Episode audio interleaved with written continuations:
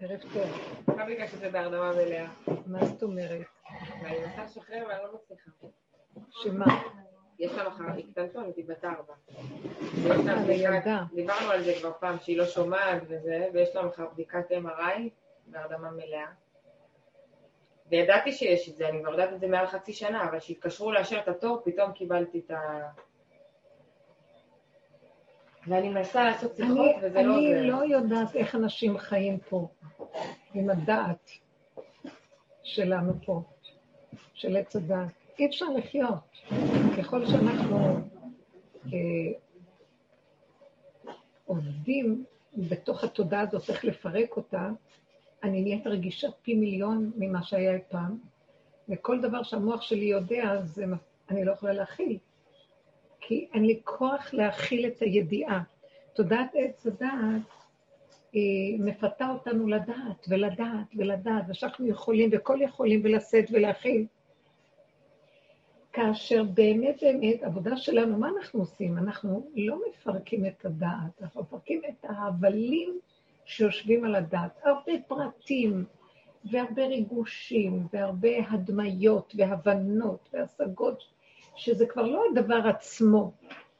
אז כשמופיע הדבר הזה במוח שלי, אם זה דבר חיובי, אז אני בסיפוקים, סוכרזיתים וקצפות בשמיים. וכשזה דבר אה, שלילי, שלפי הדעת שלילי, אז אני בחרדות ופחדים שאי אפשר להכיל. את אומרת שיש לבת שלך בדיקה של MRI, וזה צורך הרדמה מלאה, ויש לך חרדה מזה, וכשהזכירו לך את הטוב, כבר הלב קפץ, כי ישר יש תשדיר מתודעת עץ הדעת של אה, חרדה גדולה. הפרשנות, המשמעות והדמיון עושה לך את החרדה. סך הכל, אם היינו נטולי הבנה, והיינו דופקים בדלת ואומרים, תלך למקום זה וזה בשעה זה וזה, ויש לך פעולה זו וזו, ואתה לא יודע מה זאת הפעולה. היית חושב, היית נבהל, היית מחסיר פעימות לב, אתה הולך לעשות. אבל ברגע שהמוח יודע, והמוח של עץ הדת, כשהוא יודע, זה לא ידיעה של הנתון הפשוט, זה ידיעה עם הרחבה ותוספת של תוספת. יושבת ממש לאורך ולרוחב. אז האדם אין לו חיים בגלל הדת הזאת, כי אף פעם זה לא ידיעה עם נתון קטן פשוט יסודי בסיסי אמיתי, אלא זו ידיעה שמצורף אליה הרבה דמיון והרבה הרגשות והרבה אפשרויות והרבה שמועות על כל מיני דברים ששמענו, ויש הרבה ידיעות מהחיים וכן הלאה, וזה, אי אפשר להכיל את זה. כמו שאמרו לי על אותה אחת, עליה שלום, ש... שרצחו אותה. אני לא ידעתי, ואחר כך שאמרו לי, אז אה, ישר אני לא יכולה להכיל. באותו רגע אמרתי שהשיעור אלה יהיו נשמתה, אבל לא, לא יכולתי להכיל את זה. אין לי כלים להכיל כבר, ולא רציתי שזה ייכנס לתודעה של המוח שלי. אז היה לי רגע של כאב קטן, מהיר, וישר התאמנתי לעשות עם זה באותו רגע משהו. ולסגור, כי העולם לא שלי ואני לא יכולה להכיל. זה נראה כאילו אכזרי, אני נותקת מהחיים, אבל זה אכזרי בריבוע של הריבוע, כאשר אני לוקחת את זה ומכניסה את זה למוח שלי, וכמה בנות אמרו לי, יכלו לישון כל הלילה, והדמיונות, ועכשיו מה יהיה, וכל רגע שהן הולכות באיזה מקום, יש פחד שמישהו מאחור וקדימה ולאור ולארוחות, ואין חיים. אז המהלך שלנו הוא שאנחנו עובדים בדרך מדהימה, וזו דרך כל הדרכים, כל הדרכים מובילות למקום הזה של העין. לפרק את התודעה של הצדה ולהישאר עם הבסיס היסודי הראשוני, נתון פשוט, שאת צריכה ללכת לפעולה מסוימת של הבת שלך. כי ברגע שאני הסכמתי ללכת לפעולה הזאת, אסור לי יותר לחשוב, אולי זה לא טוב מה שאני עושה, אולי זה כן טוב, את זה יכולת לחשוב קודם. אם החלטת וקבעת, נשכח, נגמר, זה לא שלך, העברת את זה ליסוד האמונה. מה זה יסוד האמונה? אין לנו אמונה, אבל בעל כורחי, אני חייבת לדעת ולהאמין על מנת להמשיך לחיות. זה לא דעת של עץ הדעת. ידיעה שאין עוד מלבדו ושהוא חייב להיות בתוך הפעולה, ויותר לא. אולי כן, אולי לא איתי בי, אסור לי. זה לא ייתן לי לחיות. אתם מבינים מה אני אומרת? אבל הבן של עץ הדת, התוכנית שלו, המנגנון הזה, מרשה לעצמו הרבה אפשרויות, ואז האיסורים והסבל של האדם גדולים, אין הוא יכול להכיל את מה שהוא יודע. ונדמה לו שהוא יודע, ידיעה שכזאת ממיתה. כי ביום אוכלכם, אוכלכם ממנו, מן העץ הזה, מות תמותון. זה מיתה התרסקות של החיות האמיתית. אתה חי, אבל אתה מת שחי. כמו שמישהו אמר לי אתמול, אני לא מבינה איך יוסף היה יכול להיות בבור כל כך הרבה שנים, לא מבינים איך אפשר להיות בבור כל כך הרבה זמן. ואז הסתכלתי ואמרתי לו, אם אתה רק היית מסתכל נכון על עצמך, אתה היית רואה שכל החיים שלך אתה בבור, ואתה אפילו לא חושב את זה. אתה חושב שיוסף היה בבור. אם היינו רק יודעים את החיים שלנו, לא היינו יכולים להכיל את זה רגע. עושים, עושים לך חסד שלא תדע אפילו. אבל אתה רואה את הסיפור של יוסף ומדמיין, הוא היה בבור. אנחנו בבור של הבור. זה מעניין מאוד. הרחמים של השם, עוד שאנחנו לא יודעים באמת לאמיתו את מצבנו. אם היינו יודעים, היינו מתרסקים לגמרי, אבל אנחנו מרשים לעצמנו עוד לדעת כל מיני דברים שנראים לנו, ולאחרונה, אני אומרת, התכלית של כל העבודה הזאת לפרק, לפרק, לפרק ולהישאר עם היסוד הראשוני של כאן ועכשיו, הרגע, איך שזה ככה, ההתמעטות של השכל לתוך הפה, וכל הזמן לדבר אליו, בכל דבר שבא. אבל מיד קופץ לך פחד. אבל הפחד אליך, כי הוא הקפיץ לי את הפחד כדי שאני אעביר אליו. זה הכל הוא. תמיד תקבעו ביסודכם. עכשיו זה יסוד שאין לנו ברירה אחרת. זה לא, אני לא, אין לי אמונה, אבל הוא מכריח אותי לבוא ליסוד הזה. למה אין לי אמונה? כולי פגם אחד גדול. ומרוב פגם, מרוב צרעת, הפך כולו לבן, מרוב הצרעת, רק האמונה יכולה לעזור לי פה, כי אין לי עוד אפשרות אחרת. אני אמות אם אני אפתח את המוח ואני אדע מה קורה. זה שאת מרשה לעצמך שהמוח שלך ייפתח ולהיות חרדתית ולקחת את הילדה בחרדה וכן הלאה, זה פחד פחדים בגלל שאת אשר יגור אותי בא לי. את נותנת את עצמך לחוק עץ הדת, שיש בו, מקונן שם פחד, מקנן שם הפחד התמידי, שחלילה יכול להתגשם על ידי התחושה, את מגשימה, ולך איתי, למה לך? לא יודעת, לא מבינה, לא יכולה, רק שלך ורק אליך, סוגרת, וכלום לא שלי. זאת אומרת, הילדה שלי, אני גם זה, אני לא רוצה שתלכי עם זה שהילדה שלך. את אפוטרופוס של משהו שאת לוקחת, את שליחה לדבר, זהו. יש מי שמנהל את העסק, תמסרי את זה בידיו, ורק ככה תוכלי להישרד טוב בתוצאות טובות אחרות, הכי טוב שיש בעולם. אז למה לי להיות קשור בכל זה? וכל העבודה שלנו זה המקום הזה. אני מסתכלת עכשיו על פרשת ויגש, ואני אומרת שאם הייתי יכולה להתבונן ולשים את הפנס על, על הפרשה הזאת בתהליך הסופי של העולם, כאילו זו פרשה אחת לפני סוף החומש, בסוף סוף ספר בראשית. הסוף של זה יהיה שיוסף, שיהודה זה יסוד הפגם, העבודה שלנו, האנשים שנמצאים בתחתיות, דוד המלך, יסוד העבודה הזאת, ניגש לתודעת עץ הדעת טוב. יוסף הצדיק, השליט בארץ מצרים, הוא צדיק, הוא טוב, הוא מכלכל, הוא מפרנס, הוא טוב, והוא אומר לו, תשמע, אל יחר אפך בי, אל, אל תתרגז עליהם, אני אומר לך את האמת בפרצוף, כמוך כפרעה. תודעת עץ הדעת, מה אכפת לי מצדיקה או טובה? היא עץ הדעת. כמוך, אתה פרעה, רק זה פרעה הרשע וזה פרעה הצדיק. הוא היה כמו פרעה. זה מה שהוא מתכוון בעצם. ולי כבר נמאס מתודעת עץ הדת, זה מה שאומר לו בעצם. ויגש אליו, יהודה ניגש אליו כל כולו, כמו עכשיו, שאני אומרת לכם, די, אין לי כבר כוח לכל הבלגן שיש פה, אין לי כוח לתודעה הזאת, לבלגן הזה, הכל מתגלה כשקר, תרמית. הכל מתגלה, מתחיל להתגלות כל הקונספירציה של החיים פה, שזה לא בגלל שעכשיו יש קונספירציה. כל תודעת עץ הדת היא קשר אחד גדול נגד מציאות האדם. בוגד וקשר קשר נגד מסכן האדם העלוב הזה שנפל לתוך הדבר הזה. וכל העבודה שעשינו לפרק, לפרק, לפרק, אין לי אמון בכלל במציאות של החיים, אין לי אמון, אין לי אמון בשום דבר. כי האדם כוזב. אני אמרתי בחובזי, כל האדם כוזב. האדם כוזב. תודעת עץ הדת שולטת אליו, ואין לו על מה לסמוך. זה בעצם מה שהוא אומר לו. יהודה אומר לו, די, נגמר לי.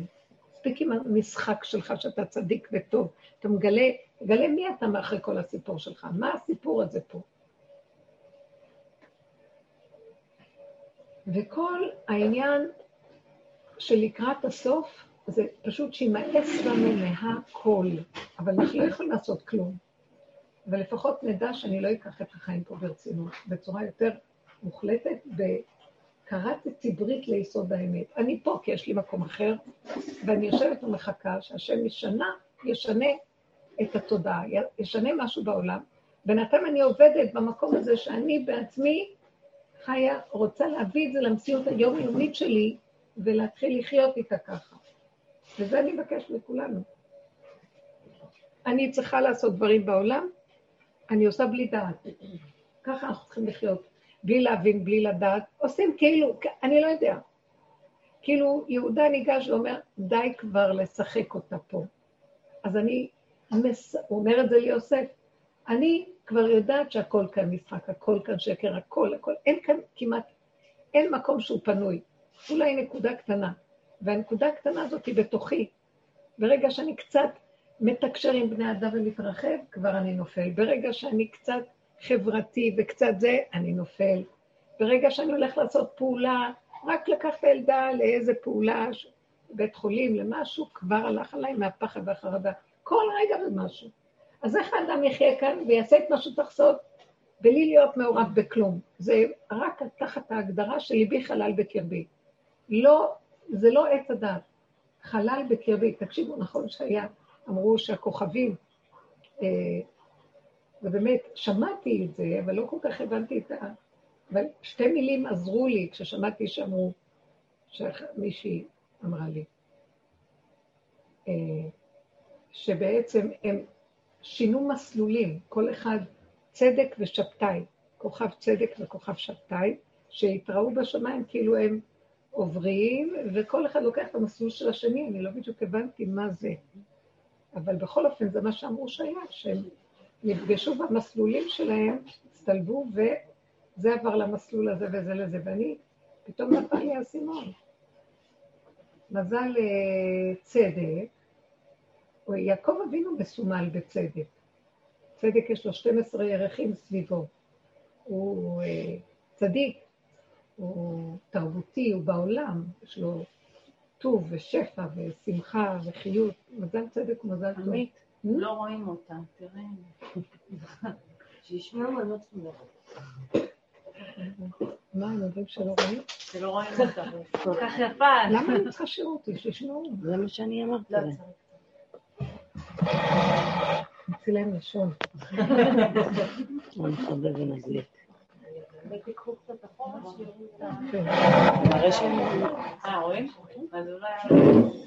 בכל אופן, אני לא יודעת אם עשיתי. הנה, הסתדר. בכל אופן, השבתאי, והשבתאי מה הוא מסמל?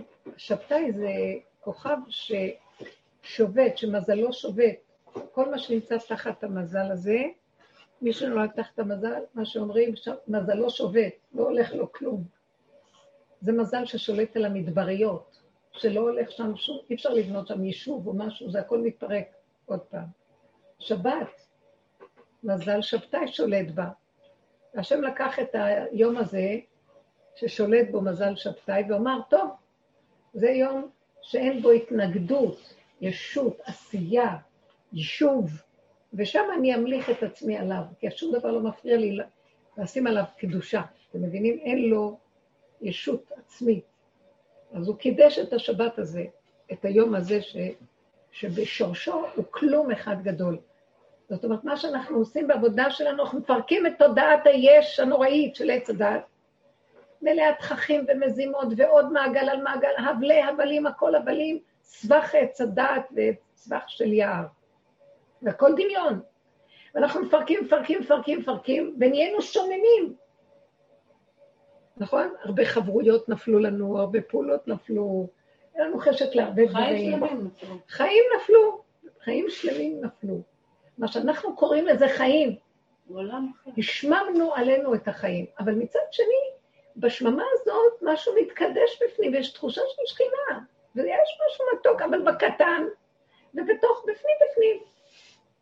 יסוד השבת, השכינה. עכשיו, מה שהולך לקרות הוא שהמזל הזה של היש ושל העולם ושל החיובי הולך לזוז לכיוון שהשבתאי ייכנס לתחום הזה ויתחיל להשבית את העולם. כבר אנחנו רואים שהכל מתחיל לשבות. אנחנו נכנסים לשבת. כל הזמן סוגרים עלינו, וכל הזמן אומרים זה לא וזה לא, ומדי פעם פותחים קצת, כי הכל כאילו בתהליך של רצון ושוב.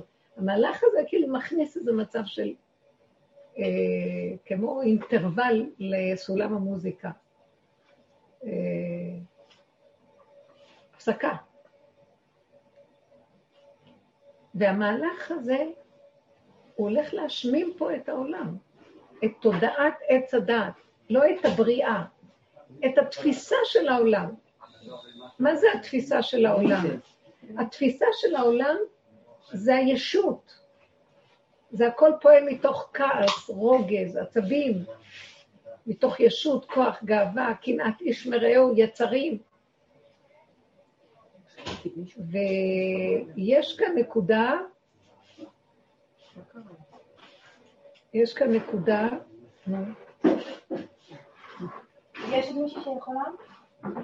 יש כאן נקודה של אה, מהלך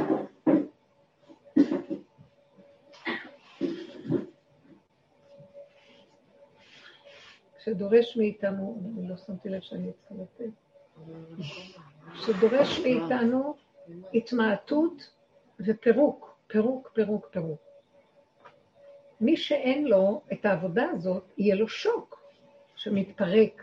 פתאום נהיה הכל שומם, זה קשה מאוד. זה מין uh, תחזית כזאת שנראית. על, אבל יש משהו של שפיות ורגיעות ומתיקות. את תקחי את הבת שלך ולא תדעי, לא תדעי כלום. כל פעם שבא לך פחד, זה הדרך שלנו. אנחנו עשינו את הגישור בין סוף התודעה להתחלה של תודעה חדשה. מה יהיה הסוף? צמצום אחר צמצום אחורה, לפרק את העץ ולהישאר במקום של אני לא. אני קטן, ורק אתה בורא עולם גדול, קח את האחריות עליך, אני לא יודעת. ועוד פעם ועוד פעם ועוד. קופץ המוח, דפיקות לב, עוד פעם לתת לו את הדפיקת לב. הוא זה שמעורר אותי כדי להגיד לי, זרקי אליי את החיים, תעבירי אליי, תני לי. אני, הוא גם הולך לשנות את הכל, גם צורת התורה תשתנה פה. ולא יהיה התורה של יעקב אבינו של הגלות. זה, זה ייכנס אור חדש. כי מתוך השביתה הזאת של הכלום, גם הדעת שלה, הספריות ישבתו והדעת תושבת. והצורה שאנחנו מפרשים ויודעים ומתרגשים ולוקחים פסוקים, וראינו מי שיצרה אותי, הם כל כך מתוקה, היא תמימה, אישה טובה. אומרת לי, ראתה איזה שם של מישהו שנפטר עליו השלום. תלמיד חכם, במודע בשכונה. חכם ששון שבת. אז היא אומרת לי, תראי, אני מחברת מילים ואני רואה, חכם מי שעושה שמח בשבת. היא כל כך הייתה שמחה מהפירוש שלה. ואני מסתכלת, גם אני פרגנתי לה, נכון, נכון.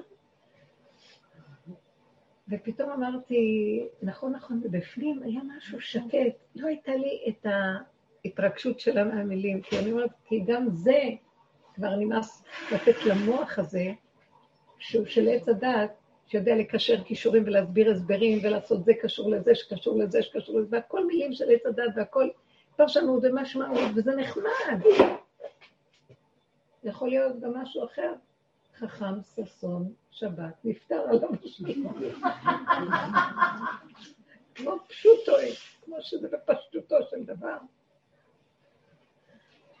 אפשר להגיד גם חכם ושמח מי שנפטר מהעולם הזה. כל מיני אפשרויות, אבל אני לא רוצה יותר להיכנס בדבר הזה. אני רוצה להישאר בנקודה פשוטה, אמיתית, בלי שהמוח, יש סוג של מוח שהוא עושה קישורים מאותיות ומילים, זה, זה הכל המוח של עץ הדעת בסגנונות השונות שלו. יש לו, לשכל, למוח הזה יש כלי נושא כליו. זה הבנה ופלפול והשגה ומה שנקרא פרפראות החוכמה, וכן, גימטריות וכן. אנחנו רוצים את המשהו הפשוט הקיומי, שהוא לא... אין בו את הסיפוק השכלי, ואני חי עם רגליים בראש. אני רוצה ליהנות מכל דבר ולראות, הנה זה אלוקינו קיווינו לו ויושיענו. הנה השם. אנחנו רואים את אחדות השם בבריאה, הכל באחדות, הכל פשוט, הכל איפה זה ככה שמח. והכל אפשרי, זה יגיד פירוש כזה, זה יגיד דבר הפוך, הכל בסדר, הכל בסדר. אין שום בעיה בכלום, הכל נראה דבר אחד. זה הולך להשתנות, התורה של עץ הדת. גם, גם הפרשיות והצורה שאנחנו מפרשים אותם, גם ילך על, הסדר הפשוט, הפשוט, שכבר נגמר להתרחב על כל כך הרבה פרטים, נשאר הנקודה הפשוטה. כמו שאני רואה את זה היום בפשטות, ויגש אליו יהודה, ניגש יסוד האמת, שהוא כל כך באדמה וכבר מלא סבל, יהודה מסמל, יהודה הודה באמת, הוא אומר לו, תשמע, עץ הדעת הטוב, צדיק, יוסף הצדיק, עץ הדעת טוב, אה, נכון שאתה צדיק, ואתה מכלכל כאן את הכל, ו... אבל גם נמאס לנו מזה שאתה רק שליט ואתה רק המשנה למלך, אנחנו רוצים את המלך בכבודו ועצמו. אנחנו כבר לא רוצים את האמצעי שדרכו אנחנו פועלים. גם כל התורה היום היא כמו אמצעי להשם, ואין שם השם, אנחנו צריכים לגלות את הפירושים, את ההבנות, את ההשגות, את הידע, אבל אנחנו רוצים את השם כמו התורה של הלוחות הראשונים, לחבק את השם בתורה, לדעת שזה השם, שכשאנחנו קוראים, יהיה לנו שמח, אחדות עם השם. כשמתפללים, יתרונן לנו הלב, ולא כאילו אנשים שמחויבים, מצווים ועושים במצוות אנשים מלומדה, והלב שלנו מת. אין חיות, כי אין את האור של האבא, לא, אין חיות עכשיו בכלום. אנחנו לא רוצים ככה. לא צריך את כל הפרטים והסיפורים. פירשנו את זה על דרך הפשט בכל הדורות, על דרך הדרש והרמז והסוד. ועכשיו צריך שיתגלה העם, די, מספיק. מיצינו את המוח על כל החלקים שלו, רוצים, הנה אלוקינו זה, קיווינו לו ביושם, תתגלה.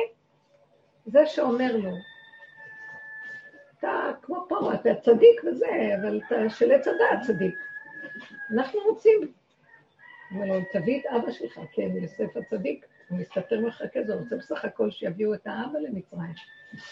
כל הסיפור של בנימין זה תואנה שיורידו את יעקב אבינו למצרים, שבורא עולם ירד לעולם הזה בכבודו בעצמו, ונגמר הסיפור כבר, ותהיה גילוי שכינה. או כמו שהיה בהתחלה, שיוסף ירד למצרים על מנת לתת כוח שכל הדורות יהיה קצת איזה הערה אלוקית. בתוך הגלות. אבל עכשיו אנחנו רוצים את השם, רצוננו לראות את מלכנו ושכל הסיפור הזה ייגמר. ונקבל תורה ש... ש... שהתורה שבעל פה תתגלה בתוך הבשר שלנו והכל יהיה פשוט, פשוט, באחדות. הבן אדם יהיה מאוחד עם עצמו ולא יצטרך את כל הסבל שיש בחוץ. הפחדים נוצרים כתוצאה מהמרחק בין המוח של עץ הדת לבין המציאות שלנו עכשיו. אין ביניהם גש, גישור, אין ביניהם האור של האבא, הקו שמחבר. אנחנו מאוד מבוהלים. וזה הולך לתפוס את הבני אדם. על כן אנחנו אומרים, רצוננו לראות את מלכנו, תרחם עלינו ותתגלה עלינו, ואל תיתנו לעץ הדעת משמעות. אתם מבינות מה מדבר עליהם? כן. אנחנו בפועל, בתרגילים הפשוטים, אני רוצה שנשמע כאן קצת אה, דוגמאות בשאלות שלכם. איך אנחנו מגשרים את הסיפור הזה? אסור להכניס פרשנות לחיים שלנו. אם אני אכנס בפרשנות על המציאות שלי, אני, אני אחריב את כולם. מרוב רוגז. אני אכעס, אני אתמרמר, אני אהיה בשיוורון. לא, לא רוצה. אין פרשנות. יש פעולות, ויש ככה, ואיך שזה ככה, ונשרדים. וכל רגע שבא איזה משהו להישבר, אני אומרת, ריבונו שלם, אל תיתן לי לפתוח את הצדת הזה ולפרש לי שאני... מה זאת אומרת שכך וככה? היא צריכה להגיד להם זה וזה, ושיעשו כך וכך. זה לא בסדר שאת עושה הכל והם לא עוזרים, כל מיני דברים שטויות. לא רוצה לחשוב, וזה דבר מאוד טוב. הדבר הזה מאוד טוב, שאנחנו נחיה ככה. זה ההתאמנות הכי מדהימה על מה שהולך לקרות, שלא יזיז לנו כלום מה שיקרה. יהיו שלושת ימי אפלה, בוא נגיד, אה, שהמוח לא יפעל, ובחושך אי אפשר לזוז, כי לא רואים מה עושים, ולכל ישראל היה אור במושבותם. מי זה לכל ישראל? אלה שחיים במקום הזה שאני לא מבין, לא יודע, לא כלום, פועל ועושה. אין מעקשים בדרך, כי הפרשנות לא נותנת לבן אדם לפעול, היא מרפאה את ידיהם. שרפאו ידיהם, זה עמלק, עמלק של המוח בא, ורפאו ידיהם, מחליש לנו את הפעולות, בגלל שיש לו המון פרשנות. ויש לו דעות, והוא בא עם העצות שלו, ואז הוא מחליש לנו את הלב, עם הרגשות ועם הכעסים, עם הפחדים, וכן הלאה וכן הלאה. אז כל המהלך שלנו בעבודה הזאת זה עבודה מדהימה, ושנים, שנים, שנים שאנחנו עובדים, אנחנו אפילו לא יודעים מה אנחנו עושים, אבל היום אנחנו יכולות להבין סוף מעשה במחשבה תחילה, שאנחנו בסוף רואים בעצם זה לטובה הכל. Uh, העולם כמנהגו נוהג, אבל אנחנו כבר לא בעולם. מה הכוונה בעולם? בתודעה של העולם. מה הכוונה? אנחנו בבריאה, אנחנו בין אנשים, אנחנו לא בפרשנות ובמשמעות. העולם בשבילי זה הפרשנות של עץ הדת, ההתרגשות, המשמעות. זה העלם, זה הכל דמיון והעלמה. אין שם באמת מה שלנו נראה, זה רק אפשרות. כל הפירושים זה רק אפשרות. פתאום יבוא איזה משהו ויראה לנו, בכלל זה משהו אחר לגמרי. מי אמר? מותר לנו לשחק עם כל המפרשים והפירושים במשך הגלות, אבל יכול לבוא מה שתגיד, זה לא זה וזה לא זה, זה כלום. זה ככה וזהו. אתם יודעים מה? בסוף יגידו ככה וזהו.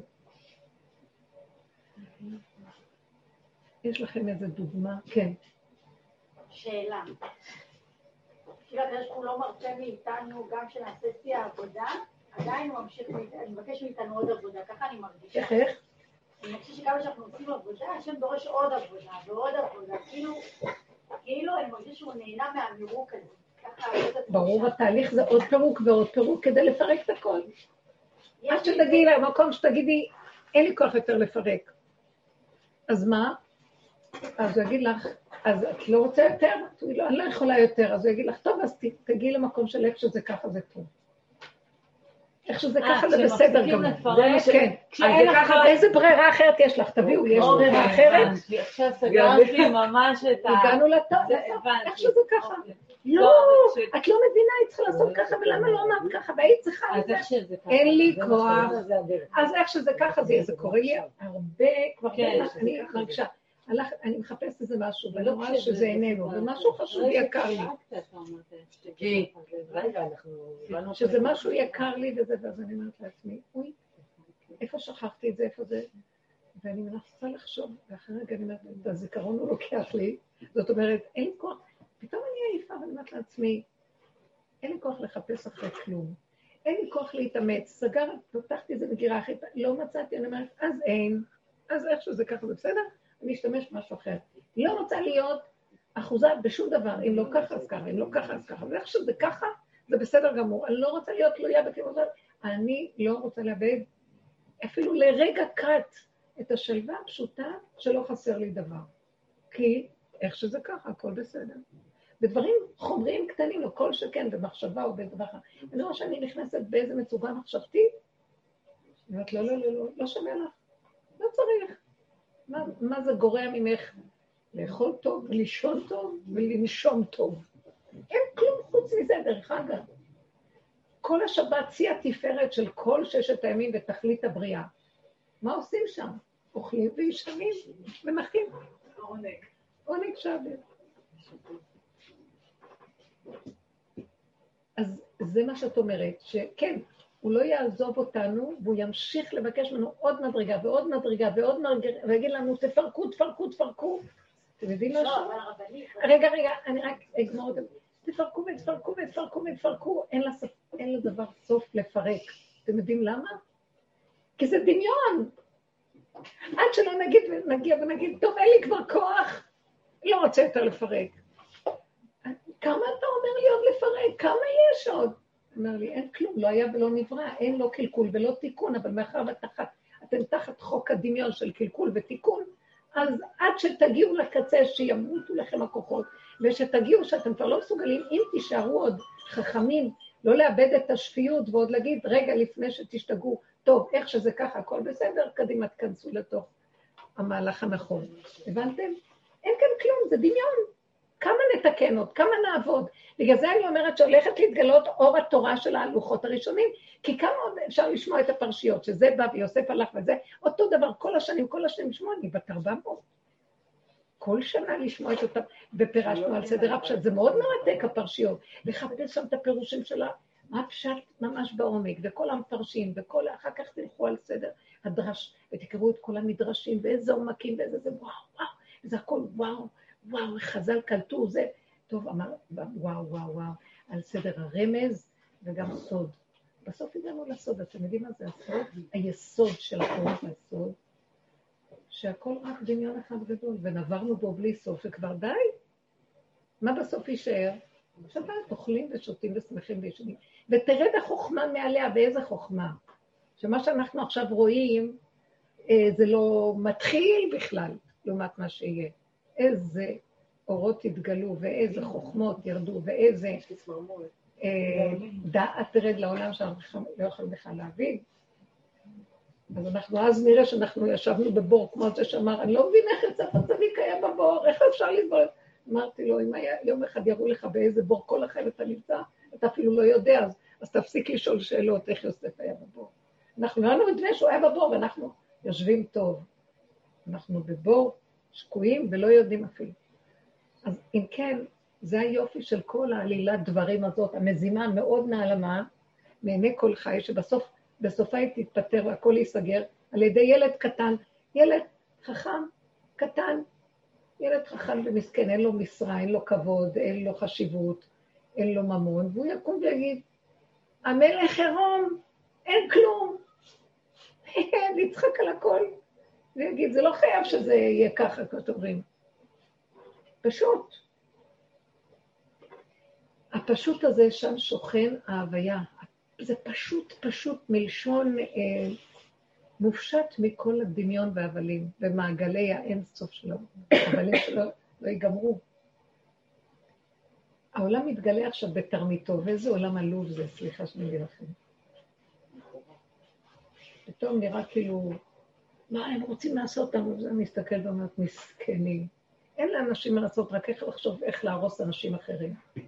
אין לאנשים מה לעשות, רק איך לשלוט בעולם כדי שלהם יהיה את הכוח והממון, וכל העולם יהיה שבוי שלהם. אין מה לעשות, תגידו. כי הם הולכים בחושך, לא רואים. זה הרשעות שהולכת להתפסק מן העולם. זה כוחי ועוצם ידי, זה שלטון הפרעה של, מלך זקן וכסיל, של תודעת עץ הדת, שחושבת שהיא זה הקונספירציה המושלמת של העולם, שכל הדורות היא הייתה, אבל עכשיו מגיע הסוף שלה. ואלה שעושים את העבודה ומורידים אותה בתוך הפרט שלהם, אני מסתכלת על עצמי ואומרת, שאני נכנסת לאיזה לחץ, שאני אומרת לעצמי, מסכנה. מסכנה. כל העבודה הזאת וכל החיים כל זה בשביל רגע אחד את מתרגשת מאיזה דבר ש... מה כן או לא? מה כן קשור לכלום? ואני אומרת, אבל תרחם על העלוב הזה, עלוב הנפש הזה, המסכן הזה. תצאו מהמסכנות. הרי מסכנות לפרעה אנחנו בונים, צאו מזה, צאו, צאו. איך שזה ככה, הכל טוב ותודה, ומה יתונן אדם חי? די לו שהוא חי ויגיד תודה. ולא יחשוב לא על גיל, לא על זמן, ולא על מקום, ולא כלום. והרגע הזה זה מה שיש ואין כלום. ושם הוא מתחבר ליסוד השכינה, ויש לו קשר עם השכינה הקדושה בעולם הטבע הפשוט, איך שזה ככה, שיא הפשטות. על זה יורד ההוויה של האור הגנוז. זה ייחוד קודשה ברכו שכינתה. זה משהו נפלא, יש כלי פשוט, נקי, זה, זה יסודו של משיח. שהוא כלי נקי, פשוט, פשוט, פשוט, אי אפשר לתאר כמה פשוט. הוא כל כך פשוט, מופשט, מכל הסבך של העץ הזה, ועל זה ההנהגה העליונה מחפשת, אומרת, אם יש כלי הכי פשוט שאפשר לרדת עליו, האור של ההוויה צריך את הפשוט הזה. מי שמוצאים אותו ראוי בפשטות, יושבים עליו. וזה נקרא משיח. כמו שהרמב"ם אומר, הוא בעצמו יכול, לא יודע שהוא, ואף אחד לא יודע מה זה ומי זה, אבל כל מה שאנחנו נדרשים פה לעשות בעולם זה רק לעשות את העבודה הזאת, זה לפרק את הכל, להישאר נקיים, נקיים כמו ילדים קטנים, ופשוטים, פשוטים, פשוטים.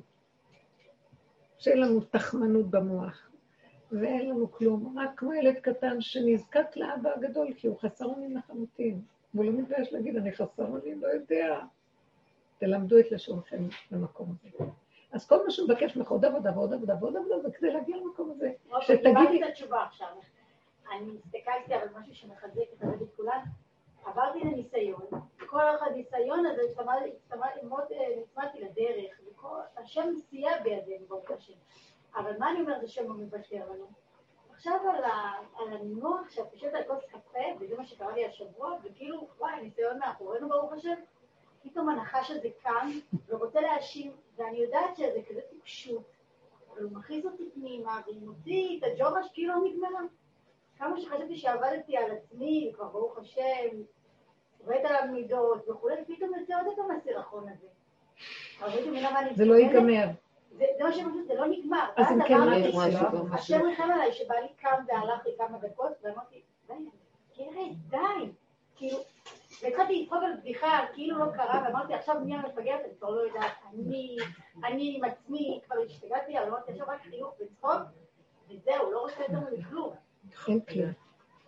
וזה נכון הרבנית? זה המקום. אין כלום, תחזרי לכאן, אל תתני למוח להיכנס. גם תסגרו את האוזניים מלשמוע שמועות, לא, גם ולא כל. שכן שהמוח יתחיל לפרש, תישארו בפעולות הפשוטות ואיך שזה ככה, זה טוב מאוד. כל פעם תחזרו, יוצאים קצת תחזרו. בשביל זה צריך גם כשאתן נמצאות בעולם, לא לתת לעולם ממשות. אנחנו צריכים להיזהר מהעולם מאוד. אין לנו גם את הכוח, מי שעובד בעבודה הזאת, להתחכך עם העולם מדי. כי נהיינו יותר ויותר רגישים, כמו ילדים קטנים, ואין לנו כלים לעמוד מול השקר של העולם. אה, כי זה ישר יעלה לי את השקר שלי שלא נגמר הפגם. ואז אין לי כוח כבר לעשות עבודות. ואז אני אומרת, כמו שם, אני לא בוחר לא את הבחוץ, לא את הבפנים גם, אני פשוט רוצה להיות תחת חסותך. תרחם עליי ותתגלה עליי ותושיע אותי. זה התכלית, שאנחנו נבחר לא להיכנס לשום סבך ולא שום, אה, אה, מה נגיד לזה, אתגרים. נגמר. כי לא יוצאים מזה, זה לא ייגמר. אנחנו מעוררים עוד פעם ועוד פעם את הדמיון ואת ההסתעפות שלו, של האני. הרבנית, השבוע... אה, זה מה שאומר לו יהודה כשהוא ניגש ליוסף. כמוך כפרעה, אל תסתתר. אין, אין לנו כבר כוח ליפייפות החיצונית, ואין לנו כבר כוח למהלך הזה של הדמיון הזה של עץ הדעת, וכל המשחק שלו, כי זה היה משחק ארוך, מי יגיע? יוסף ואחיו. אנחנו לא רוצים את זה. אנחנו רוצים את התכלית של גילוי האבא הרחמן עלינו, ולא שום שליטים ומלכים של שקר. תודעת עץ הדת, שליטים במצרים. כן. השבוע, תוך שעה, כל העולם, פתאום נהייתי עצבנית. פתאום עמדתי מול עשר דברים שלא התאימו לי, ואז לקחתי, לקחתי את עצמי הצידה, אמרתי לו, השם, תגיד לי, מה, מה, מה, מה נסגר פה עם, עם, עם הנחש הזה שמשתלט עליי יותר מדי? מה אתה רוצה שאני אדבר איתך? אז הנה, אני מדברת איתך, תשחרר אותי מכל הדברים, ממש בכעס, כאילו, תשחרר אותי מכל הדברים האלה, אני לא הנה, הנה, אני מדברת איתך, אתה כאן, אתה עושה את הכל, אני לא קשורה לכלום, לא קשורה... אני נשבעת, אחרי איך שסיימתי להגיד את זה, דבר אחרי דבר, איזה עשר פעם, אמרת, מאיפה הנחת עליי את זה, ואת זאתי ואת זה וזה, ו- ו- טק, טק, טק, טק, טק, ואז נשבעת לך, תוך עשרים דקות, כאילו אנחנו טלפון לא אחרי נוהגים טלפון, להישבע על פי הדין. אה? לא זה לא סלנג נתניה. לא, אנחנו נתניה זה סלנג, את- נשבעת סתם, לא במשהו. לא באמת נשבר, מבטיחה לה. באמונה. איזה יפה, מדהים. באמת, אבל- מספרת הרבה פעמים כשזה קורה לה, כשהיא ניגשת אליו, כי יש לה נקודה גבולית מאוד, והיא בגבול הזה אומרת את האמת, והיא מדברת. עכשיו, אנחנו לא מדברים באמת ככה להשם. אני כן מדברת. רגע, אבל זה לא השם, תדברי עד מחר. השם, זה השד. אה, כי לפני השם תמיד יש, השם נתן כמו שאנחנו אומרים, כמוך כפרעה. יוסף השליט עומד שם, והוא, עזבו עכשיו את השם יוסף. הם לא יודעים שזה יוסף. משחק אותה השליט. עד שהוא, כמו שמה עשה, ויגש אליו יהודה, בוא הנה, אומר לו. נמאס כבר.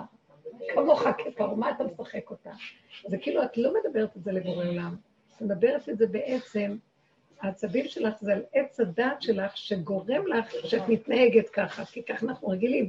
אז אין לך, אין לנו תלונה על השם, אי אפשר להתלונן על לא, השם. הוא רחמן, לא, אני חייבת להדגיש את זה. כן. כל כך רחמן ואוהב, שאי אפשר אף פעם לבוא בטענה. ישר מתגלים הרחמים הגדולים והאהבה הגדולה. כשאנחנו, וזה טוב שאנחנו מדברים ככה. פעם אני אמרתי לו, בוא הנה רשע. וכאילו, מישהו ששמע את זה לידי נבהל. ואז כאילו, נשמע שאני מדברת, אה, מדברת כאילו לבורא עולם, איך את מדברת? ואמרתי לו, תנוח עליך דעתך. לפני בורא עולם תמיד יש את הרשע לפניו. קודם כל נטפל ברשע ואחר כך יתגלה הבורא. אז הרשע זה תודעת עץ הדת, וזה זה השם של עץ הדת, כביכול, שאנחנו, לפי הדמיון שלנו, ממליכים אותו. וככה אנחנו חיים, כי אם אין לנו פחד מזה, אז אנחנו נהרוג אחד את השני. אז לצורך קיום העולם, שאנחנו נדע שיש דין, העולם לא הפקר. אבל בסופו של דבר, הדין הזה שעומד שם, שזה בתי הדינים וכל ה- תורת הדין ותורת העונש והעונשים, יש איזה שלב שאני אומרת, תהרוג אותי כבר, אני לא מסוגלת יותר לחיות תחת תורת הדינים. אנחנו רוצים גילוי של הנהגה אלוקית שתרד משני השמיים, י"ג מידות הרחמים. כי קשה לנו כבר לעמוד במידת הדין של השכר ועונש. כי מה שאנחנו עושים נופלים ואותם קמים, ואותם נופלים ואותם קמים, ואותם נופלים. וזה מה שנקרא בית דינו של השם. יש, יש השם ויש הדיינים שהם שומרים את התורה בעולם הזה כדי שהעולם ייראה נורמלי, זה יוסף שליט בארץ מצרים. יוסף הוא שליט. דוד המלך הוא בחינת הכלי של המלכות, כדי שיתגלה עליו השם הוויה, אלוקים, י' כ' ו' כ'. אז אנחנו בגלות, יש לנו את הבחינה של הדיינים, אנחנו... תקשיבו רגע, אל תחשבו שבקלות אנחנו קשורים עם בורא עולם, כמו שאתם חושבים, עם ג' מידות הרחמים, זה אור מאוד גדול, שאי אפשר להיות קשורים אליו. רק אחרי שהבן אדם מצד אחד, או שהוא צדיק נשגב ברמות כאלה שאי אפשר לתאר, ואז, ואני מסתכלת ואומרת, דור שכולו זכאי, ואני אומרת, הדור הזה אי אפשר, איך נגיע להוויה הזאת? רק דור שכולו חייב. כולנו מצורעים כל כך, שהפך כולו לבן טהור. מרוב צרת, מרוב קלקולים ופגמים, יכול לרדת האור הכי גבוה. כי למה נהיה כבר על הקצה, נהיה כולנו חולים, ואין לנו כבר כוח לכלום, ונתפוס כבר את, את ה... כמו שיהודה בא אליו ואומר לו, כמוך כפרעה, אין לי כוח כבר לכלום, אתה בעצם מין אלוקות שמסתתרת מאחורי הטבע של עץ הדת. אומנם אתה שומר שיהיה כאן בעולם סדר, אתה מכלכל את העולם, ודברים טובים בעולם, אבל הכל תחת חוק עץ הדת. אתה ופרעה, אותו דבר, אין לנו כוח יותר להנהגה הזאת. של כל הזמן דינים וכל הזמן מכות, וכדי שאדם מפחד, כי אם הוא לא יעזוב את, ה, את החלקים שצריכים לשמור עליו, את המצוות, את הדינים, הוא, הוא ילך לאיבוד, וזו הנהגה טובה כדי שלא ייפול, אבל כל כך הרבה רוע שמפיל אותו כל הזמן, כמה שהוא לא יעשה, הוא נופל, כמה שהוא לא יעבוד, היצר כל כך גדול עליו, שהוא מגדיל את היצר כל כך, ואחר כך הוא דן אותם. מה היית רוצה? אנחנו תקועים. ודעו לכם שגם בתי הדינים של השמיים, וכל בתי הדינים תקועים, והם היו בוכים ואומרים, די כבר שתתגלה כבר, יגלה גילו, גילוי השם, בגלל שגם אין להם כבר פתרונות וישועות בדין, כי האדם תקוע, וגם הם לא רוצים לדון את האדם, כי הם רואים שכולם תקועים.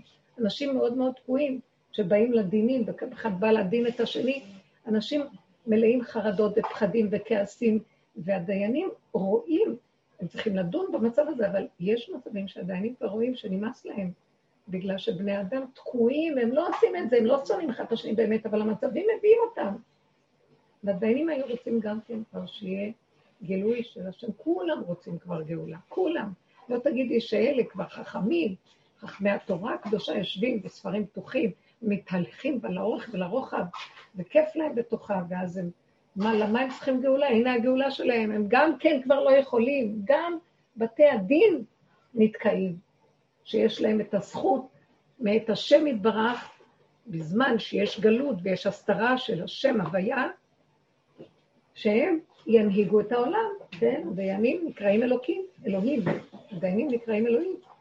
זה נפילה כתוצאה מעץ הדת, שהוויה נקרא אלוהים, אז מה בעצם, צריך לעשות כדי שהוא יתגלה? כדי שהוא יתגלה, צריכים רק ללכת, כמו שאנחנו אומרים, עד הסוף. כמו יהודה, יהודה כבר היה לקצה, כמו שאת עשית, אמרת, בואי הנה, אין לי כבר כוח. איך אמרת? תחזרי פעם. אמרתי אמרתי, בתוך שעה הכל משתלט עליי, אני לא יכולה לשלוט בזה, אני לא אני לא יכולה, יכולה, אני לא עכשיו, יכולה. מה בן אדם, יפה, תעצרי. דיברתי כבר. תעצרי, למה? כי אדם לא מדבר ככה, אדם אומר, אוי, מדבר בצדקות, לא, אם נתנו לי כנראה אני יכול, אז אני צריך להתאמץ, לא. אני צריך לעשות עוד דבר ועוד דבר ועוד דבר, לא, והוא לא מוכן להרפות ולהגיד, אני לא יכול ואני לא רוצה להיות יכול ונמאס לי. ככה לימדו אותנו שיש הבנתם? ניסיון. הרי לימדו אותנו שיש ניסיון. אני הכי שונאת את המשפט הזה. את יכולה לעמוד בניסיון. לא, בחלק הראשון, נכון, כולם יודעים, בחלק- שונאת את את המשפט הזה. אני הכי. ככה. אני הייתי אוהבת... בחלק הראשון אנחנו מבינים שזה כן. בסור מרע ועשה טוב, אנחנו מתבקשים להתגבר ולהיות יכולים להתגבר מול הרע. בעבודה שאנחנו עשינו, לקחנו את כל הטוב, התגברנו כל כך, ואנחנו כל כך טובים, ופתאום מתחילים לשים לנו פנס, בחורים וסדקים, ולהראות לנו מי אנחנו, איזה גדולים. הכל מסריח בפנים. כל רגע יש לי נקמנות בעמידות, ויש לי כעס ורוגז, והכל כאילו יפה בחוץ, אבל בפנים אני לא בן אדם, וגם השני לא. אז אני באה להגיד לך, אתה לא בן אדם, הוא אומר לי, ואת בן אדם? כל אחד מתחיל לזרוק על השני, וכולם צודקים. אז בואו נעזוב. כל אחד יעזוב את השני ויתחיל להסתכל בעצמו, מתחיל לראות, אבל אין מתום בבשרי. והאדם הזה מתחיל להתמעט ולהתמעט ולהתמעט, וכבר נמאס לו, כמו שהיא אמרה, לא נגמר הפירוק, לא נגמרת העבודה, לא נגמר לראות כמה פגמים, לא נגמר כמה שלילה.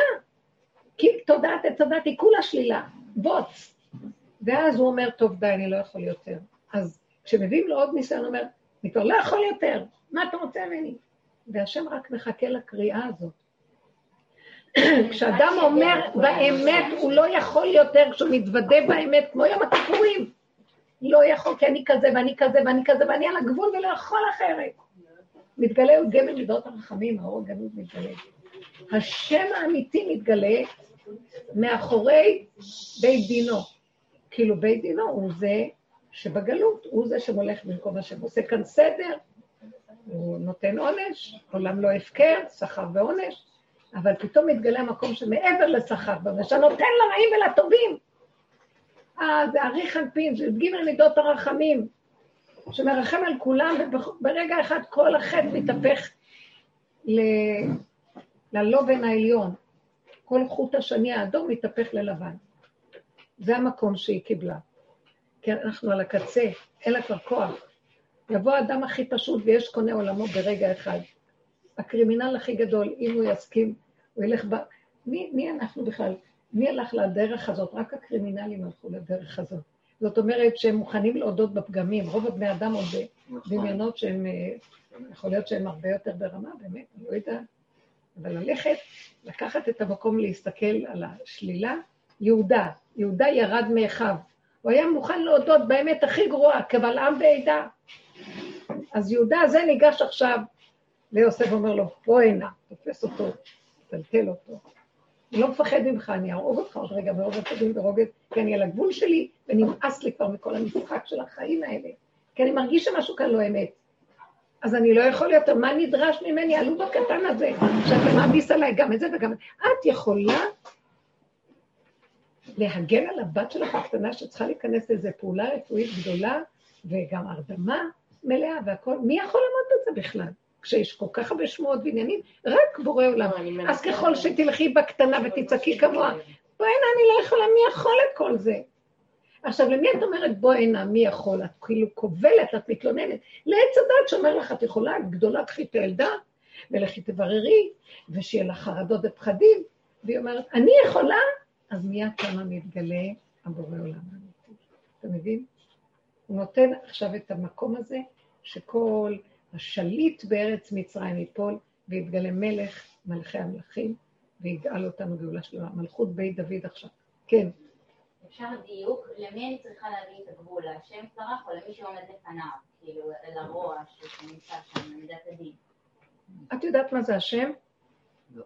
לא. את יודעת מה זה הרוע? כן. אז דברי למה שאת יודעת. מה, מה את מחפשת? איזה דמיון הוויה שאת חושבת שקיים? אני יכולה לדבר עליו בעצם איך שבא לי. איך? אז אני יכולה לדבר עליו איך שבא לי וליצור. דברי אליו, תפרקי לו את הצורה, ותגידי לו, נמאס לי ממך, כמו שיהודה אומר לו, כמוך כפרעה ברוע, רש"י אומר, אתה כזה רשע. עכשיו, זה יוסף הצדיק מסתתר מאחורי כל זה, אבל אנחנו לא יודעים, כי גם קונס... זה בתי הדינים של השם, שאנחנו תחת החוק והחרדה של קיום המצוות כל הזמן והפחד, שמא ניפול. לי אין כוח יותר לפחד. ומה אני אשמה? שאני באמת רוצה ובא איזה משהו ומפיל אחרי רגע. לא יכולים, אני מדברת בלשון הרבים. מי יכול לעמוד בזה? אז אני אומרת, בואי, אי אפשר לעמוד בזה יותר. אז הוא מחכה כבר לדבר הזה, מתי נגיד שאנחנו לא יכולים? כי השם לא בא בטענות לבריאותיו. והוא רצה, הוא ברא את הבריאה להנות את האדם מטובו. אכל לו מעץ הדת, וכל אחד חושב שיותר גדול מ... מהשני, מבורא עולם גם. והוא מחכה, הוא עושה תרגילים איך להגיע למדרגות הכי גבוהות, והכל דמיון, ואז הוא עושה לעצמו את האיסורים שלו, את הצרות של מישהו ביקש ממך משהו. זה החוק הדמיוני הזה שגורם לך את האיסורים. בסוף אתה מתרגז לא על השם, כי אני לא עשיתי כלום, אתם אכלתם עץ הדת. אז על מי אתה מתרגז באמת? על, על אותה, הדמיון שלך. על הדמיון הזה ועל אותו מנגנון ועל אותה סיסטמה שהיא גורמת לך את כל הבלגן. אז על מי הטענה? לא על, איך אמר משה ואהרון, לא עלינו תלונותיכם. מה אתם רוצים מאיתנו? אם אתם מתרכזים ואתם נרגנים, אתם, אתם מתוסכלים מעצמכם, מאיך שאתם חיים, אז הטענה לא על הבורא עולם, אתם גרמתם את זה לעצמכם, אז בואו נודה. אז עכשיו אני אומרת לו, נכון, אני גרמתי, תוציאו אותי מזה, כי אני לא יכולה יותר. ואני כאילו אדם שכועס על מישהו, שלא אמר לו כלום, אבל הוא כועס מהתסכולים של עצמו על השני. השני אומר לו, אבל אני לא, אתה עושה מה שאתה רוצה, אני רק אמרתי לי. אז הוא אומר לו, נכון, כי אנחנו מתוסכלים מהדמיון שלנו. אז uh, הטענה היא לא על הבורא, הטענה היא תמיד על אותה תודעה שיושבת עלינו והיא נדמת לנו כבורא. בסדר, בחלק החיובי שלה, מבחינת יוסף הצדיק, בחלק החיובי שלה, עץ הדעת טוב, זה הדיינים, זה, הם צודקים, אנחנו עברנו על הדין, אנחנו, אין לנו כבר כוח, מי שיפרק את זה, הוא יזכה למקום של גילוי אור הגנוז, וגם הדיינים יודו לו. הדרך של הסוף, אתם לא מבינים שבסוף יהודה, שהוא היה אב בית דין, הודה שתמר צדקה ממנו. אנחנו נעשה את העבודה, נשים הכי קטנות, הכי פשוטות, שאב בית דין יגיד אתם צודקים. דבר גדול. בנות צלופחד עומדות ואומרות הלכה בפני משה רבנו. משה רבנו, איש האמת, אומר, מה פתאום בנות יורשות לפי ההלכה? בנות לא יורשות, הלכה של תודעת עץ הדת. אז הוא אומר, טוב, בוא נגיש את משפטן לאלוקים. מה אומר לו השם? כן דוברות בנות צלופחד. הן צודקות. בנות יורשות במקרה הזה. יכול להיות שלעתיד לבוא ככה זה יתגלה, כי בורא עולם יגיד, כן, אין הבדל בין בן ובת. זה הכל דבר אחד, זה הכל גילוי השם, ייחוד קודשא רכוש חינטה, כל התפקידים הם שונים, אבל המהויות שוות והכל בסדר. זה דבר שעתיד להתגלות כי האור הגדול יחזור. עכשיו אנחנו מה? לא יודעים כלום. אנחנו אחוזים בתוך הסיפור הזה, ויש כאבים לבני אדם וצער ורוגז ומכאובים. אז לעתיד לבוא יתגלה את זה כשהבן אדם יגיע עד הקצה. איך הם העיזו בכלל לשאול את משה רבנו כזה דבר? פתאום שנשים ילכו לשאול אה, בית הדין של משה רבנו? ילכו לשאול. הם היו חכמניות, הם, היו, הם עבדו, הם הסתכלו, הם התבוננו, שאלו שאלות, הם התעקשו. הדרך הזאת, היא נותנת לנו את המקום להתעקש. מאיזה נקודה הם הגיעו? מה, הנקודה בדרך שהביאה אותם? שהם אמרו, זה לא אמת. למה? בגלל שאבא שלנו נפטר ואין לו בנים, וכולם עכשיו, לפני כניסה לארץ ישראל, מחלקים את הנחלות, והמשפחה שלנו תיכחד, כי אין לנו בנים, גם אנחנו נירש. אהבת אה, הארץ הייתה בדמן, והם רצו נחלה בארץ ישראל. כן דוברות בנות צלופחד. באמת לאמיתה השם יפסוק לנו דברים שהיום אנחנו לא יכולים לראות אותם. משה רבנו, אה, תקשיבו, הוא הגיש את משפטן להשם, והשם אומר לו, אין. כלומר, מתי אני אומר, כמו שזה ככה זה טוב, ומתי אני קם ומשמיע את, הקול שלי. הרי הם יכלו להגיד, אוקיי, השם הצדק איתנו, אנחנו נהיה פסיביים והשם שאלה יסדר. נהדרת, שאלה ממש נהדרת, מה לא שמעת? את יכולה לחזור שוב? סליחה. מאוד יפה. היא שואלת, את אומרת, בסוף בוא נישאר בנקודה, איך שזה ככה, ככה זה טוב. מה אכפת לנו? אם זה מה שהשם רוצה, ככה זה טוב. הם לא הגיעו לזה, ככה זה טוב. היה להם קשקוש פנימי אמיתי, כאב. אז הם אמרו, אין לנו מה להפסיד, בואו נברר את נקודת האמת. כמו יהודה, הם היו בגבול כמוה. רחלי? כן. היא עד הגבול הייתה, ולא היה לה מה להפסיד, רק לדבר בצורה כזאת. עשו הרבה הרבה עבודות, וכשמקשקשת נקודת האמת והגבוליות מקשקש, כבר... למה הגבוליות מקשקשת? כי הכוח מנגד כל כך חזק, היה להם צער מאוד גדול, לא יכלו להכיל אותו. אז הם אמרו, אנחנו רוצים את הבירור, את הגבול. אה, בוא נגיד, אחר מעשה, מה שלא יצא ויגידו להם, והם לא יסכימו איתו, יגידו, אבל איך שזה ככה זה טוב. כי כבר מיציתי את הסערה ואת הצורך הזה למקום של הגבול. יצא לי. מאוד יפה. בוא נגיד, אחרי שהיא, מאוד יפה, הטיחה דברים ואמרה, מה הולך פה? מה רוצים מהקטנה הזאת? כל כך הרבה פעולות, מה כוחי? ופתאום היה גילוי שהכל יסתדר. ונניח שלא היה מסתדר, מה הייתה צריכה להגיד? אבל היא הוציאה את נקודת הסערה שהייתה לה, והשם שמה ו- וסובב את זה, זה מאוד יפה. עוד שאלה קטנה. כן. את אמרת אה, שיש איזה רגע שאתה צריך מאוד לדייק את התפילה שלך, נכון? זה לא צריך, זה יוצא לך באמת. מה זאת אומרת אתה צריך לדייק? לא, כשאתה מתפלל אתה צריך לדייק את התפילה שלך, את, ה, את, ה, את מה שאתה רוצה לבקש מהשם. או שאין מקום לזה יותר. בטח שיש מקום, אתה יכול לדייק? כן. אז אם תדייק.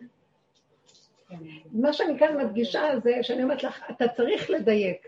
זאת אומרת, אין צריך, לא צריך, אתה יכול, תדייק, זה הדבר הכי טוב. את רוצה להגיד, כדי לקבל תוצאה, תדייק? לא, רציתי לשאול, השבוע אמרתי, אמרתי לעצמי, אני צריכה לבקש את זה, או שאני צריכה להגיד כמו שזה ככה זה טוב? את, יכולה ישר להגיד כמו שזה ככה, זה טוב? שימו לב מה אני עונה לכם. חזק. אם את יכולה להגיע לזה מיד, בבקשה, את לא תגיעי לזה מיד, כי מקשקשים לך בכוחות. נכון. את. את צריכה לפרק את הכוחות עד שתהיה רגועה ושקטה. ותגיעי לגבול שתגידי, הגבול, חלק מהגבול, אני עוד יוצא לי. חלק אחר של הגבול זה כבר אין לי עוד אפילו גם שלא יוצא לי כלום. כנראה שיש שם עוד מה לפרק. היא טענה טענה מאוד יפה. מה כוחי? וזו טענה של אמת. אנחנו, מישהו אחר אומר, מה כוחי? המוח אחר אומר לו, בטח שאתה יכול עוד, מה אתה מתרפא? נרפים אתם, נרפים, אומר לו פרעה, אומר לעם ישראל. מה אתם באים לבקש עוד איזה חופש, עוד יום, יום של שבת, יום של זה, אתם נרפים אתם, אתם לא רוצים לעשות עבודה, אז אני אתן לכם עוד יותר עבודות. תכבד העבודה על האנשים. ופרעה אומר, עץ הדעת יכול להגיד לה, מה את אומרת, את בגבול? באמת את בגבול? את מופקרת, תעשי יותר עבודה.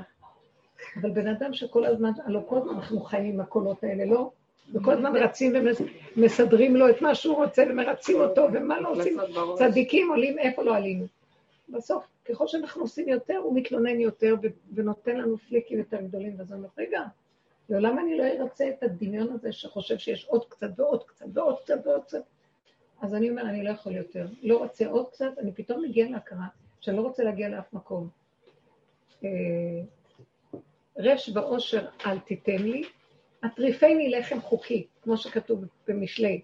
תן לי את הקיום שלי כאן ועכשיו שיהיה לי נעים וטעים, די נמאס לי מכל המאבק הזה. אז הבן אדם הזה יכול להגיד איך שזה ככה זה טוב.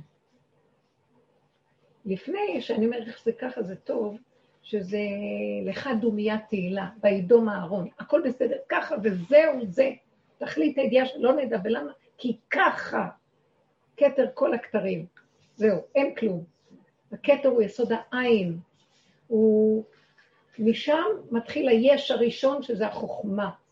כי החוכמה מהעין תימצא. קודם יש עין, ואחר כך מתחיל להיות יסוד החוכמה. אז אנחנו הגענו גם שכבר חוכמה, אין כלום, כלום, כלום. אין, אין כלום. גולם, אה, אמונה פשוטה, פטי, מאמין לכל דבר. אז אם אנחנו מגיעים למקום הזה, אז אנחנו נגיד איך שזה ככה, הכל טוב. יש רגע שאנחנו עוד על הגבול, ויש לנו תסכול. אז אנחנו עוד בתודעת עץ הדת על הגבול שלה, ואז אנחנו מתחילים להטיח בה. זה. אל תכעסי עליי. לא, לא. אבל השאלה שלי היא, מה יותר נכון, כי אני יכולה, בדבר הספציפי הזה שאני רוצה, אני יכולה לכוון את עצמי. אני יכולה להגיד, בורא עולם, כמו שזה ככה זה טוב ולא אכפת לי, אני מתאבדת, אני עפה אחורה. את באמת אומרת את זה? לא, רגע, אני את יכולה... אומרת את זה לא, לא, באמת? השאלה טכנית, מה- מה נכון לעשות, אל תכעסי עליי שאני אומרת, אבל הנה מה נכון התשובה, לעשות. נתתי לך תשובה. לא, אני יודעת, אבל אז זה לא מדויק לי, אני לא יכולה אם זה לא מדויק לי. אז את אמרת פעם שאנחנו עושים כלי, לקבל את מה שאנחנו רוצים, נכון? אז אני נמצאת בנקודה שאני אומרת, האם אני צריכה טכנית לעשות כלי, או האם אני צריכה להגיד, זה שכלי נורא מה שאת אומרת. אני אגיד לך משהו. ברגע שאני אומר איך שזה ככה, אז לא אכפת לי מה אני אקבל או לא אקבל. וכבר אין לי שום דרישה ואין לי שום... גם התפילות, זה וידום אהרון, לך דומיית תהילה. ברגע שאני עוד רוצה איזה משהו מסוים, אני מתחמן וחושב, אני אעשה כלי, אני אעשה ככה כדי לקבל את מה שאני רוצה. בן אדם שמגיע למקום של איך שזה ככה טוב, הוא כבר לא רוצה כלום. איך שזה ככה, הכל טוב, הבנת? אבל אם את עוד רוצה לקבל איזה משהו ספציפי, בסדר, אוקיי, אז על מנת לקבל משהו ספציפי מאוד, מה שאת רוצה, אין לי נוסחה לזה. צריכה לוותר עליו.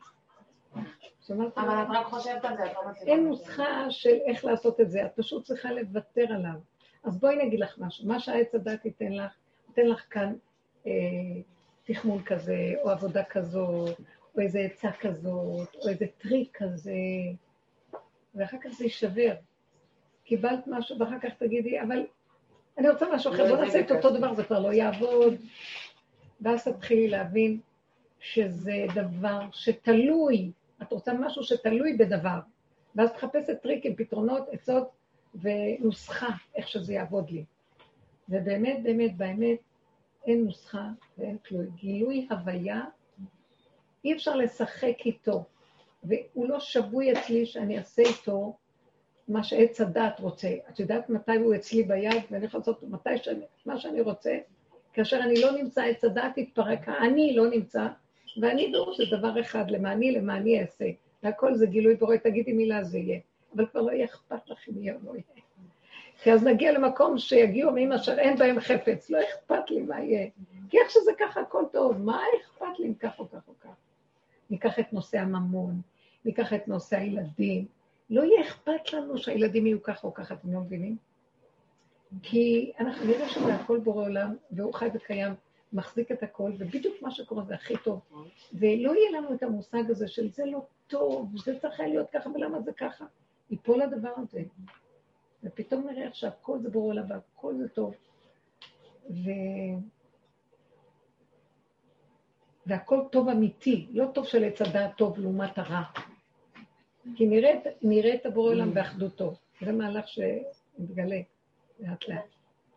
אז בואי נגיד, בואי תגידי לי מה את רוצה סוף סוף לקבל, אולי נוכל לעזור. כן, זה מה אני שאמרתי. בן אדם פשוט, אני לא רוצה לעבוד, חד משמעית. אז אל תעבדי, אני פשוט קמתי ועזבתי, והשם מסדר לי את הדרך יופי יופי. היא עזבה, היא-. ותביני היא ביום אחד עזבה משהו בשרה, לא סתם. אני ויתרתי על הפיצויים שלי, ויתרתי על מלחמות, אחרי בגלל זה 14 השם שנה קמתי והלכתי, ו- ו- וכשאתה מרגיש מפה שהשם מכוון אותך שאתה לא תעבוד, הוא מכוון אותך והוא נותן לי ברוך השם משכורת דופקת כל חודש. אני אגיד לך מה, ועוד לך והאריכו את זה עוד לעוד. עכשיו הוא האריך לי את זה עוד. כן, מה שקורה פה זה שיהיה לה גבול, שלחתי לה שבוע. לכן הוא מתגלה. כי בדיוק ברגע הזה סידרתי זה לא בא מהמוח, זה בא? מהבשר פשוט. זה היה עד יוני. לא, עכשיו לא, אבל עכשיו הנה, עוד. צריכה לסיים. כן, אנחנו באוטובוס, ובשבוע שעבר גם באוטובוס.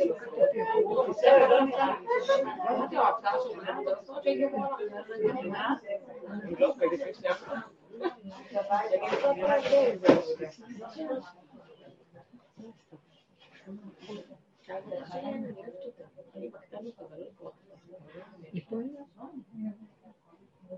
נכון גם את הסוכה. עוד משהו תגידו לפני ש... עוד מעט יגיעו ימים אשר אין בהם חפץ, אז בבקשה תגידו מהר דברים. אם אתם עוד רוצים משהו, אפשר לקבל, אחר כך כבר לא תרצו כלום. איך זה נשמע? מה אני לא ארצה?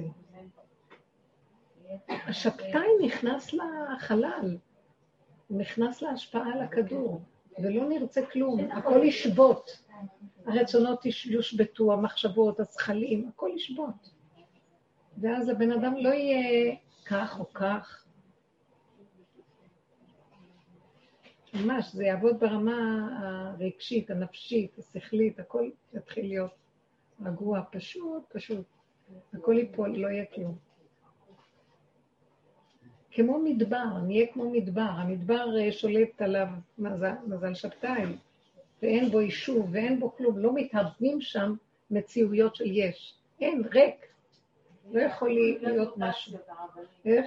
אמרת שהולכים להיות מוטציות. הנה, המוטציה בדרך. יש עוד מוטציה. אה, יש וואו, יש מוטציה. הרבנית, באמת, את בעד חיסונים או לא? איך ירדתם עכשיו. טוב, טוב, תרדו. למה אתם עסוקות עם זה? זה דעה.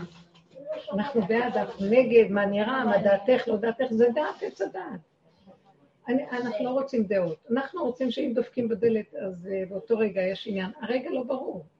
אה, תראו כמה רעש יש סביב זה, ופתאום אומרים יש מוטציה, משמע שגם מה שיש בחיסונים שכבר יש, אולי לא יעבוד, אז בכלל... אז בואו נמתין. הם מתחילים גלים של כאילו, אבל יכולים פתאום להפסיק את זה ולהגיד, זה לא מתאים בדיוק, כי יש כבר משהו חדש. השם לא יעזור אותנו. ואני לא יודעת אם זה רע אותו, אני לא יודעת כלום, אני לא יודעת.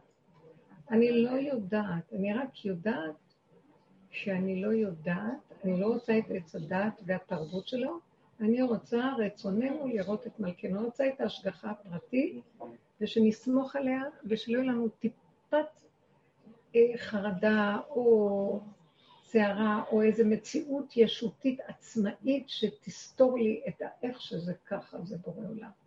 אני מאוד רוצה את החוויה, תבקשו את זה, ויבקשו את, את השם ודוד מלכם, תבקשו את המהלך הזה, כי לא נוכל להחזיק מעמד. כל רגע יבוא שיגעון אחר שאנחנו נאבד, לא אה, נשתגע ממראה עינינו, זה מאוד לא פשוט.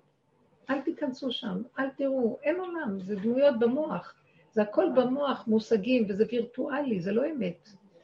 מה שאמת זה מה שפה, הרגע, עכשיו. זהו. בלי מחשבות, אני רואה דמות, אני רואה כוס, אני רואה זה. מחשבות שלי על הדבר זה כבר שקר, זה על הדבר, זה השקפה. כל השקפה לרעה בתורה, חוץ מהשקיף השם, רק השם יכול להשקיף. אני משקיפה ישר הגאווה, אני כבר רואה מעבר לדבר. ואז אני מתרחבת ומתבלבלת, ואני לא בדבר עצמו. תפקידי להיות בדבר, ולא לדעת יותר מזה כלום. איזה כיף זה. אנחנו צריכים להיות בבית של הדבר. אם אנחנו יוצאים לחוץ, תיקחו איתכם את הבית, כמו הצו הזה עם הבית שלו, שלא נהיה פרוצים לרשות הרבים. המוח לא רוצה שהוא... רגע, רגע, בא איזה משהו ומתחיל. ואת סוגרת, לא, לא רוצה, לא רוצה, אני לא יכולה לבוא אליך, אני בוחרת להיות חלקך ונחלתך קטן, מצומצם, גולמי, רק אתה תעזור לי, כי מי שיעזור לי בעולם, רק אתה. זה מאוד טוב. אני כל הזמן חכה, אני. אין, אין כלום, אין כלום. אל תיתנו ממשות לכל מה שקורה, כי זה, זה משהו לא, זה לא הגיוני מה שקורה, זה נראה משהו מוזר, לא? רבנית, כן. אני אומרת-. בסדר, אני אומרת מילה, ואנחנו סליחה, מסיימים. אתה מדבר את כל. השם, לא אומרים מה צריך לסיים. מבינה? סליחה, ממש לא. לא, אני אומרת, אני כאילו סוגרת עכשיו את העסק של אבא שלי, התחייכת מסרה. אז אחותי היום, אני באה לעסק הזה, מביאה לי את המחשבון עם איזה פתק, כמה אני חייבת לספר על זה, תקשיבי. תקשיבי. את המחשבון תקחי, תזיזי. מה שאני אגבה היום, אני אשלם. את המחשבון אל תביא לי, אני לא רוצה לראות את זה בכלל. זה מכניס ללחץ, החישובים האלה, אז. עזבי אותי, אני אגבה מה שאני אגבה, אני אשלם, והמחשבון אני לא רוצה אותו. מאוד יפה. זה הגנה לנפש. מי שככה חי. השכינה אוהבת אותו, היא אומרת לו, הגנת עליי. לא הכנסת אותי בלחץ שלך. לא נתת לי לנשום ולחיות בבור שאני נמצאת, החיית אותי. כן. כי ברגע שאנחנו בצער ולחץ, גם השכינה איתנו בצער ולחץ. זה, ובאמת אני רואה באמת שהוא עוזר לי כל שנייה ושנייה, אבל... לכו ככה, תראו, ישועת השם כרף עין, על זה זה נאמר. השוכן איתם, הוא מתגלה, הוא יעזור כן. לנו, ייתן לנו ישועות, מה אכפת לנו? מי יכול לעמוד? למה אני סומך על המוח הזה שהוא יסדר לי כאשר שוכנת שכינה איתי, ואני דורך עליה ורץ לסדר? לא, אבל אני מנסה כמו... אותי עזבו מקור מים חיים והלכו לחצוב להם בורות נשברים שלא יכילו. תוציאו אותו בטריה. יש מהלך שצריכים להתעקש עליו. אנחנו כבר ממש לקראת הסוף, אז מה, למה נטפס על איזה גבהים? שם למטה, זה יותר קרוב אלינו, כי קרוב אליך הדבר מאוד. לא בשמיים היא, לא מעבר לים, לא בעץ רחוקה, בפיך ובלבבך לעשותו, בעשייה הפשוטה, בקיום הפשוט של החיים. והשם ייתן לנו חיות אמן. ואור חדש על ציון תאיר, שהוא בוקע דווקא מלמטה, מאבן השתייה. צמח דוד עבדך תצמיח, ואור גדול שוכן שם? ויתגלה עלינו מהרה, אמן. דיברנו באותו לך, אני לא מצליחה להתחשב, אני לא המוח, כי למדתי פה, למדתי מחשבות.